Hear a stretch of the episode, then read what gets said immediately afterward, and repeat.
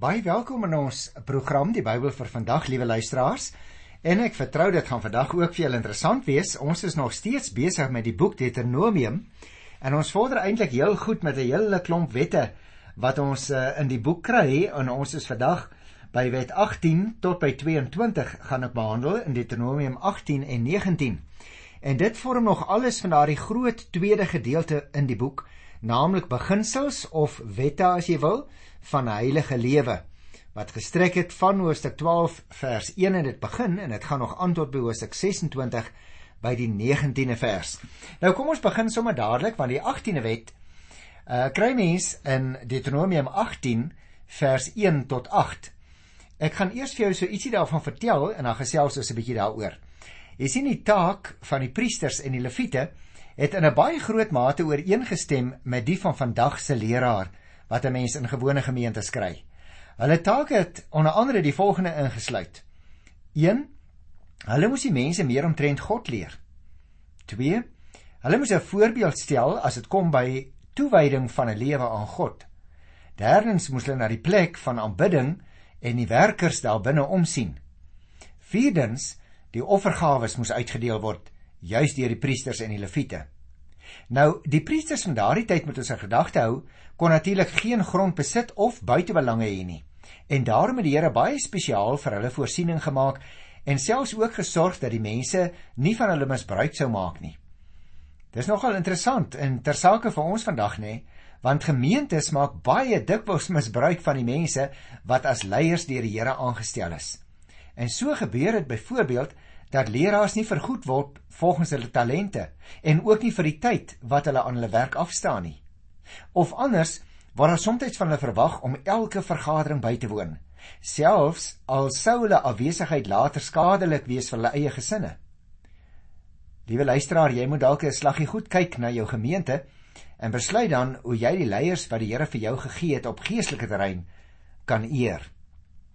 Nou goed, as ons nou praat oor hierdie priesters en leviete, dan moet ons miskien ook in gedagte hou, daar moes vir hulle voorsiening gemaak word. Want hier in die verse wat ons nou nog gaan lees, is sprake van sowel leviete as levitiese priesters. Jy sien alle priesters kom natuurlik uit die Levi stam, maar nie alle leviete is noodwendige priesters nie. En daarom moet die voorskrifte onderskei word in hierdie gedeelte. Die eerste deel, naamlik die eerste 2 verse, verwys na alle leviete. Dit wil sê afstammelinge uit die stam van Levi. En daarna, dis nou vers 3 tot 5, word dan voorsiening vir die priesters uit die Lewiete stam omskrywe. En net in die laaste paar versies, vers 6 tot 8, word weer ander reëlings getref ten opsigte van die Lewiete, maar dan heeltemal in die algemeen. Goed, kom ons lees die eerste 2 verse. Hier staan: Die Lewitiese priesters, die afstammelinge van Levi, sal nie tussen die Israeliete grond as besitting kry nie. Die hele Lewi stam sal die vuuroffers eet wat vir die Here gebring is, wat aan hom behoort. Die priesters kry nie 'n eie grondgebied tussen hulle volksgenote nie. Lewi ontvang van wat die Here self toekom. Dit is soos die Here vir hom beloof het. Het jy opgemerk? Aangesien die afstammelinge van Lewi nie tussen die Israeliete grond as besitting kry nie, staan hier nou moes die hele Lewi stam die vuuroffers eet wat vir die Here gebring word. Jy sal nog onthou, sekere dele van verskeie offers word spesifiek aan hulle toegesê. Ons het dit ook behandel in die boek Levitikus hoofstuk 2 tot by hoofstuk 7. So ontvang Lewi staan hier nou byvoorbeeld volgens belofte van wat die Here self toekom. En dan sê die derde vers die priesters mag soos volg by die volk aanspraak maak op offers wat gebring word. Iemand wat 'n bees of 'n skaap kom offer, moet vir die priester die blad, die kakebene en die pens van die dier gee. So jy sien, die priesters het dus as dit ware die sagte gedeelte van die offermaaltyd gekry. En daarom sê die 4de vers, jy moet vir die priester die beste deel gee van jou koringoes en jou wynoes, van jou olieopbrengs en jou wolskeersel. Die Here jou God het die Lewi stam uit al die stamme uitget kies om in sy diens te staan. Lewi en sy nageslag moet vir altyd aan die naam van die Here diens lewer. Jy sien dus behalwe die offerdeel wat hulle gekry het uit die slaggoed, moes die priesters ook die beste deel van die koringoes kry en die wynoes en dan ook van die olieopbrengs en die wolskeersel. Die 5de vers het vir ons daarop gewys dit kom hulle toe staan daar omdat die Here hulle uit al die stamme uitgekies het om in sy diens te staan. Dit sou hulle natuurlik in staat stel om vir altyd die naam van die Here diens te lewer en aan hom eer te bewys. Luister na vers 6 en 7. Wanneer 'n leviet uit enige van die Israelitiese stede waar hy as vreemdeling woon, na die plek toe kom wat die Here vir hom sal kies, mag die leviet aan die naam van die Here sy God diens lewer, soos al sy mede-leviete wat in die teenwoordigheid van die Here diens doen. Jy sien, ons het hier 'n uh, besondere reëlings vir die leviete in die algemeen, veral dan met die oog op die toekoms. En hier staan nou baie spesifiek: 'n leviet kon in enige van die Israelitiese stede woon. En daar het hy dan die status geniet van 'n vreemdeling wat ons al van tevore bespreek het. Ander leviete byvoorbeeld sou weer op die plek wat die Here kies, so staan dit in Hosea 12 by die 5de vers, in sy teenwoordigheid diens doen. Wanneer leviet dus uit die platteland na die gekose plek toe kom, staan daar mag die leviete wat daar diens doen hom nie teenstaan nie. Hy mag ook diens lewer soos al sy mede-leviete. En vers 8 sluit dit dan af en sê so leviet moet net soveel kos as die ander leviete kry, ongeag wat hy as erfgoed besit. Hoekom sou hierdie persoon nou net soveel as ander moes kry en ongeag van die erfgoed wat hy in die stede besit van waar hy kom? Die rede is gewoon dat priesters en leviete wat in 'n bepaalde stad toegewys is, nie hulle self kon bevoordeel ten koste van priesters of in hierdie geval dan leviete wat ook daar aankom omdat hulle ook gekies het om daar te werk nie. Nou kom ons by die 19de wet. Dit handel oor waarsêers en profete en 'n mens kry die reëlings in die verband by Deuteronomium 18 vers 9 tot by vers 22. Kom ons kyk dan vers 9. Wanneer jy in die land kom wat die Here jou God vir jou sal gee, moet jy nie die afskuwelike praktyke van daardie nasies aanleer nie. Nou lesers, ons het natuurlik al van tevore hiermee te kennis gemaak, maar ek wil tog 'n paar opmerkings maak oor hierdie 9de vers in Deuteronomium 18 wat baie belangrik. Jy sien, Die Here het die Israeliete gewaarsku dat hulle probleme nie alles sou verdwyn net omdat hulle die beloofde land in besit sou neem nie. Nee, hy het hulle nie gevrywaar van probleme nie, hoor. Maar sou hulle die nodige ondersteuning gee wanneer daar probleme kom. Hoekom? Sodat hulle in die land kon woon en die vyand kon verslaan. Daar is nou geen probleemvrye plek op die aarde nie en vir hulle was dit ook so. Solank daar sondige mense op aarde is, luisteraars, dit sal tot by die wederkom so wees, nie waar nie? Dan sal daar probleme wees. Nie eers Christelike skole of kerke of bedienings of huise is regtig werklik probleemvry nie. Jy kan egter binne jou omgewing met sy probleme lewe solank jy God se woord op jou lewe en jou situasie toepas. Moenie na 'n veilige skuilplek ver van alle verkeerde invloede probeer hunker nie hoor. Maar wend jou tot God. Dan sal hy vir jou die moed en die krag gee om ook jou probleme die hoof te bied. En daarom is hierdie 9de vers juist vir ons so belangrik. Want wanpraktyke wat vir die volke gevaar inhou en die land wat die Here aan hulle sal gee, so staan dit hier, word nou hier in die volgende verse beskryf. Dit hou natuurlik verband met die priesters van wie ons nou gelees het in die eerste 8 verse wat die offerandes hanteer en ook natuurlik opgetree het as bemiddelaars by die altaar. Die volk mag nie so staan hier die skuwelike praktyke van die ander nasies aanleer nie. Vers 10 gaan so 'n bietjie verder daar staan: Daar mag nie iemand by jou wees wat sy seun of dogter as offer laat verbrand nie. Daar mag nie 'n besweerder by jou wees nie en ook nie 'n towenaar of iemand wat voortekens lees of 'n goelaar in jou midde wees nie. Dit was dus baie belangrik. Die Here sê vir hulle baie pertinent wat hy van hulle verwag en hoe hulle moet optree. En jy sien in die 10de vers die moontlikheid bestaan dus dat iemand sy seun of sy dogter as offer in die vuur sou laat wou verbrand, want so het dit gebeur by sommige van die heidengroepe. Nou by so 'n kinderoffer is dikwels geprobeer om sekere dinge in verband met die toekoms te bepaal. Die Here verbied dit hier ten strengste. Daarna word ook die besweerder, die towenaar iemand wat voortekens lees en 'n goelaar, sommer dieselfde asem genoem. Jy sien, hulle almal het spesifieke metodes aangewend om toekomstige gebeurtenisse te probeer voorsê of dit te probeer voorspel. Nou moet ons onthou, die Here dinge soos kinderoffers en toorkuns uitdruklik verbied. Ek het al 'n vorige program met jou daaroor gepraat. Dit was heidense gebruike en dit het algemeen onder die heidene nasies voorgekom. Israel se bure het trouens hulle kinders aan die god Molek geoffer. Gaan lees gerus in Levitikus daar by die 20ste hoofstuk by vers 2 tot 5. Ander godsdienste in die omgewing het weer ook van ander bonatuurlike dinge gebruik gemaak soos toorkuns en spiritisme om die toekoms te probeer voorspel en leiding te soek. Maar nou sê Moses as mondstuk van die Here Die Here sou die heidense volke juis as gevolg van hulle gruweldade uitdryf. staan duidelik hier in uh, Deuteronomium 18 by vers 12 ook. Die Israeliete moes dus die ware God dien en die ware godsdiens moes die plek van al die heidense godsdienste inneem. Kom ek maak 'n kort samevatting wat ons kry hier by vers 11 tot by vers 14. Want dit handel weer so bietjie uh oor sekere ander gebruike wat hulle gehad het in vergelyking met wat Moses vir hulle geleer het. Kom ek vertel jou daarvan en dan kyk ons so bietjie in groter detail. Want jy sien, net soos die meeste mense vandag ook maar belangstel in toorkunsies, het die Israeliete van daardie tyd ook 'n belang gehad deurdat hulle die okkulte so bekyk het en dan die bedrywighede van die Kanaaniete. Dit het hulle natuurlik baie geïnteresseer. Maar die okkulte kom natuurlik van die Satan af. En daarom het die Here die Israeliete uitdruklik verbied om enigiets daarmee te doen te mag hê.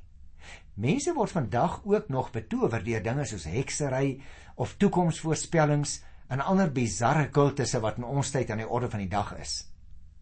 Hulle belangstelling ontstaan dikwels juis uit die begeerte om meer te weet te kom oor die toekoms. En sodoende wil mense soms beheer probeer uitoefen oor die toekoms. Maar die Satan is vandag natuurlik nog net so gevaarlik soos hy was in die tyd van Moses. En daarom sê die Here in die Bybel vir ons alles wat ons moet weet omtrent die dinge wat nog gaan gebeur. Die inligting wat ons van die Satan kry, sal of heeltemal uit verband geruk word of sommer heeltemal vals wees. Jy en ek beskik ook oor die volkomme betroubare leiding van die Heilige Gees wat ons in die skrif en juis deur die kerk as leiding ontvang. En daarom hoef ons ons nie tot die okkulte te wend om vals inligting oor die toekoms in te win nie. Ons kan juis in die erediens ook, maar natuurlik sommer by die huis, ook daar waar jy nou sit en besig is om na hierdie program te luister, kan jy die leiding van die Here deur sy woord vir jouself ontdek. En daarom as mense hier kyk in Deuteronomium 18 van vers 15 af, dan handel dit oor 'n profeet soos Moses. Luister na vers 15. Die Here jou God sal 'n profeet onder jou na vore laat kom, een van jou volksgenote. Hy sal soos ek wees. Vir hom moet jy gehoorsaam. Jy sien liewe luisteraar, die profete amp word ook in die vooruitsig gestel wanneer hulle eers aangekom het in die beloofde land. Hy sal een van hulle volksgenote soos Moses self wees, sê die Here. En daarom moet hulle hom juis gehoorsaam. Nou is die vraag natuurlik, wie is hierdie profeet? Het jy geweet? Sommige kenners dink dit verwys na die profete Amp. Ander weer sê dit verwys na Stefanus wat op sy beurt hierdie vers aangehaal het juis om te bewys dat Jesus Christus die Messias is, die seun van God. Gaan kyk maar in Handelinge 7 vers 37 wanneer uh, ou Stefanus daar aan die woord kom. Die Here Jesus het egter nie maar net as 'n nagedagte na die aarde toe gekom nie, maar hy en sy koms was deel van God se oorspronklike plan.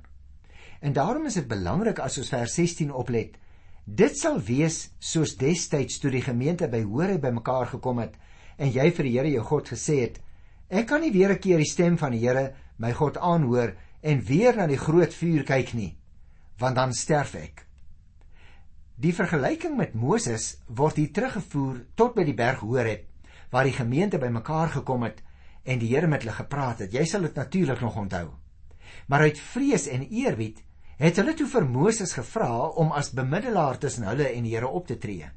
Hulle was na, naamlik bang, lyk dit vir my, dat hulle as hulle weer die stem van die Here aanhoor en weer na die groot vuur kyk, dat hulle dalk sou sterf. En daarom het hulle daarteen geskerm om self na die Here te moet kyk. Nou kan jy natuurlik vra, liewe luisteraar, nou maar wat beteken hierdie goed nou vir vandag? Kom ons gesels so 'n bietjie daaroor. Jy sien, net soos in die tyd van Israel is daar vandag ook nog mense wat beweer dat hulle boodskappe van God direk uit die hemel ontvang. Hy praat nog met sy kinders. Maar ons moet natuurlik baie versigtig wees om sommer net te sê dat hy deur die of daardie profeet gepraat het. Hoe weet ons byvoorbeeld as iemand waarlik die woorde van God aan ons oordra? Eerstens, ons sal sien of hulle profeseë bewaarheid word. Dit is die ou ou toets vir profeseë. So dit is ook hier in vers 21 en 22 gelees. Maar 'n tweede riglyn. Jy en ek moet sulke mense se woorde toets aan die skrif. Want jy sien, liewe luisteraar, die Here weerspreek homself natuurlik nooit. As iemand dus enige iets sê wat in stryd is met wat in die Bybel geskrywe is, dan kan ons al klaar weet dat dit nie die woord van God is wat daardie persoon spreek nie. Ons moet dus vertrou op die dinge wat die kerk en die skrif ons leer omtrent God. Dit beteken nie dat die Here nie direk tot mense kan praat nie, maar dit is gewoonlik nie die gewone manier waarop hy te werk gaan nie. Let nou hier op die 19de hoofstuk want hier kom ons by die 20ste van die 64 wette. Dit handel oor moord en doodslag. Kom ek lees die eerste 3 verse. Die Here jou God sal die nasies uitroei wie se land hy aan jou gaan gee. Hy sal hulle verdryf en jy sal in hulle stede en huise gaan woon. In die land wat die Here jou God aan jou gee om in besit te neem, moet jy 3 stede uitsonder as stede waarin iemand kan vlug as hy 'n ander doodgemaak het. Jy moet die land wat die Here jou God aan jou as besitting gee, in 3 streke verdeel sodat die stede maklik bereikbaar is. Met ander woorde, liewe luisteraar, elke gemeenskap sit maar vandag ook nog met die probleem van moord en daarvoor moet natuurlike oplossing gesoek word. Die vraag is nou, nou maar hoe moet daar opgetree word teenoor mense wat per ongeluk iemand doodgemaak het? of om die een of ander rede onskuldig by 'n moord betrokke geraak het. Die Here het vir die Israeliete 'n antwoord hierop gehad. Natuurlik want hy is die Here. In die tyd van Moses was die gebruik naamlik om vinnig wraak te neem. En daarom moes die Israeliete sekere stede as wat genoem word in die Bybel as asielstede op sy sit. Mense wat dan beweer het dat hulle om watter rede ook al onskuldig was, kon dan na so 'n stad toe vlug en dan kon hy of sy daar bly totdat hulle op 'n regverdige manier verhoor kon word. Maar as so iemand dan onskuldig is, dan kon hy in die stad aanbly en dan sou hy daar veilig wees teen die wraak van die gestorwenes se familie. Hierdie is so 'n baie goeie voorbeeld, liewe luisteraars, van hoe die Here geregtigheid en genade aan sy kinders sou bewys. In die tweede en die derde vers wat ek gelees het, blyk dit vir ons dat uh, die asielstede oneffektief sou gewees het as al die paaie wat na hulle toe gelei het in 'n swak toestand sou wees. Want jy sien, baie van die mense op pad daarheen het letterlik vir hulle lewe gevlug en daarom was die toestand van die paaie vir hulle van lewensbelang. Die bereikbaarheid van die stede sou dus 'n groot mate afhang van die instandhouding van die grondpaaie van destyds. Natuurlik moet ons ook altyd onthou dat die paaie maklik kon verspoel. Dit kon sanderig raak, selfs onbegaanbaar word as gevolg van diep slote wat daarin kon kom. Daarom was dit nie net belangrik om hierdie uh, stelsel in te stel nie, maar om ook die stelsel in stand te hou. En ek dink dit is vandag vir ons natuurlik van net soveel belang dat in 'n gemeenskap moet die stelsel in stand gehou word.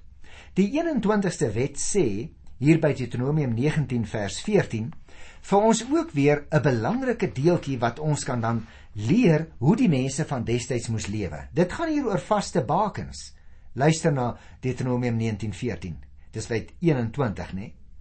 Jy mag nie jou buurman se grenslyne verskuif nie Dit is grenslyne wat voorheen deur die voorgeslag vasgestel is vir die eiendom wat jy in besit sal neem in die land wat die Here jou God tot jou as beskikking sal gee.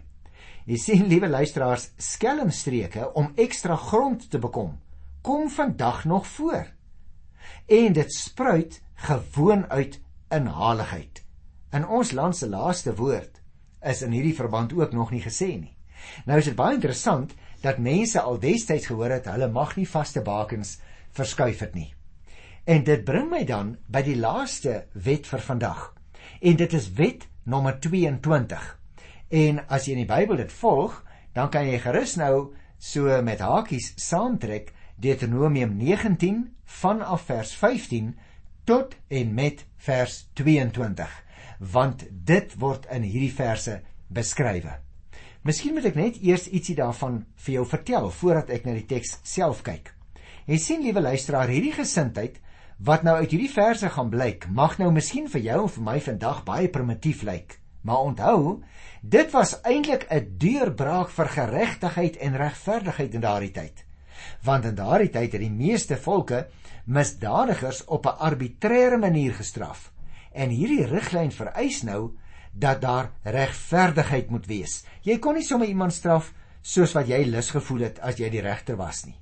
'n Mens kon dus met ander woorde nie swaarder gestraf word as wat jou oortreding verdien het nie. Mense wat byvoorbeeld vals getuienis lewer, moes ook dieselfde straf kry as wat die beskuldigde sou gekry het.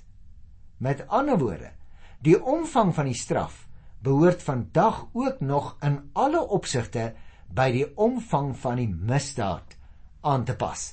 Dit sal tog laf wees as iemand 'n baie ligte straf kry vir 'n ernstige oortreding. Omgekeerd, As dit 'n ligte oortreding is wat iemand begaan het, dan sal dit tog onregverdig wees om hom 'n baie baie swaar straf op te lê.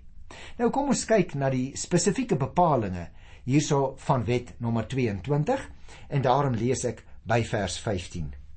Daar mag nie net een persoon teen iemand getuig nie. Al was die oortreding of die misdaad ook wat, al het hy ook hoe verkeerd gehandel. 'n Beskuldiging kan net bewys word deur die getuienis van 2 of 3 getuies. Wanneer 'n kwaadwillige getuie iemand van ontrou aan die Here beskuldig, moet die twee mans wat in die saak betrokke is voor die Here verskyn, voor die priesters en die regters wat aan diens is. In die laaste paar minute wil ek dan graag vers 28 tot 21 bespreek, want dit is nogal vir ons vir groot belang, juis as ons hierdie spesifieke stukkie wetgewing reg wil verstaan. In vers 18 staan daar Die regters moet die saak deeglik ondersoek. En as dit blyk dat die persoon wat sy volksgenoot beskuldig het 'n vals getuie is, moet julle hom aandoen wat hy sy volksgenoot wou aandoen. So moet hierdie soort kwaad tussen julle uitgeroei word. Die ander mense sal daarvan hoor en bang word en hierdie soort verkeerde ding sal nie weer tussen julle voorkom nie. Nou liewe luisteraar, ek dink jy sê ook al partykeer Ek wens dan regtig dat eh uh, die ouens wat so oortree net 'n bietjie ook aan die ontvangkant kan wees, dat hulle werklik kan sien en kan voel wat hulle aan ander mense doen, want dan sal die misdaad afneem. Nou is dit seker so, maar ons moet altyd onthou, daar is 'n bepaalde regstelsel in 'n land en daarom mag jy en ek ons nie vergryp om sommer net self op te tree soos wat ons dit goed sou ag nie. Nou luisteraars, vers 21 bring ons aan die einde van Deuteronomium 19. Jy mag so 'n persoon nie genade betoon nie. 'n Lewe vir 'n lewe, 'n oog vir 'n oog, 'n tand vir 'n tand, 'n hand vir 'n hand en 'n voet vir 'n voet. Nou ten slotte dan, hierdie bepaling hou baie interessant verband met die beginsel dat straf in ooreenstemming met die betrokke misdaad uitgedeel moet word. Aan die een kant word gesê dat daar aan 'n vals getuie geen genade betoon mag word nie. Dis 'n lewe vir 'n lewe, 'n oog vir 'n oog en wat ons ook al gelees het. Terselfdertyd aan die ander kant is dit ook weer 'n beskermende maatreel. Juis die proporsionele strafuitdeling voorkom dat die straf groter sal wees as die misdaad wat begaan is. Miskien moet jy en ek ook baie ernstig bid juis vir die mense wat uitspraak moet gee in ons land waar daar so baie misdaad is. Liewe luisteraar, ek groet jou in die wonderlike naam van die Here Jesus Christus die regverdige. Tot volgende keer. Tot dan. Totsiens.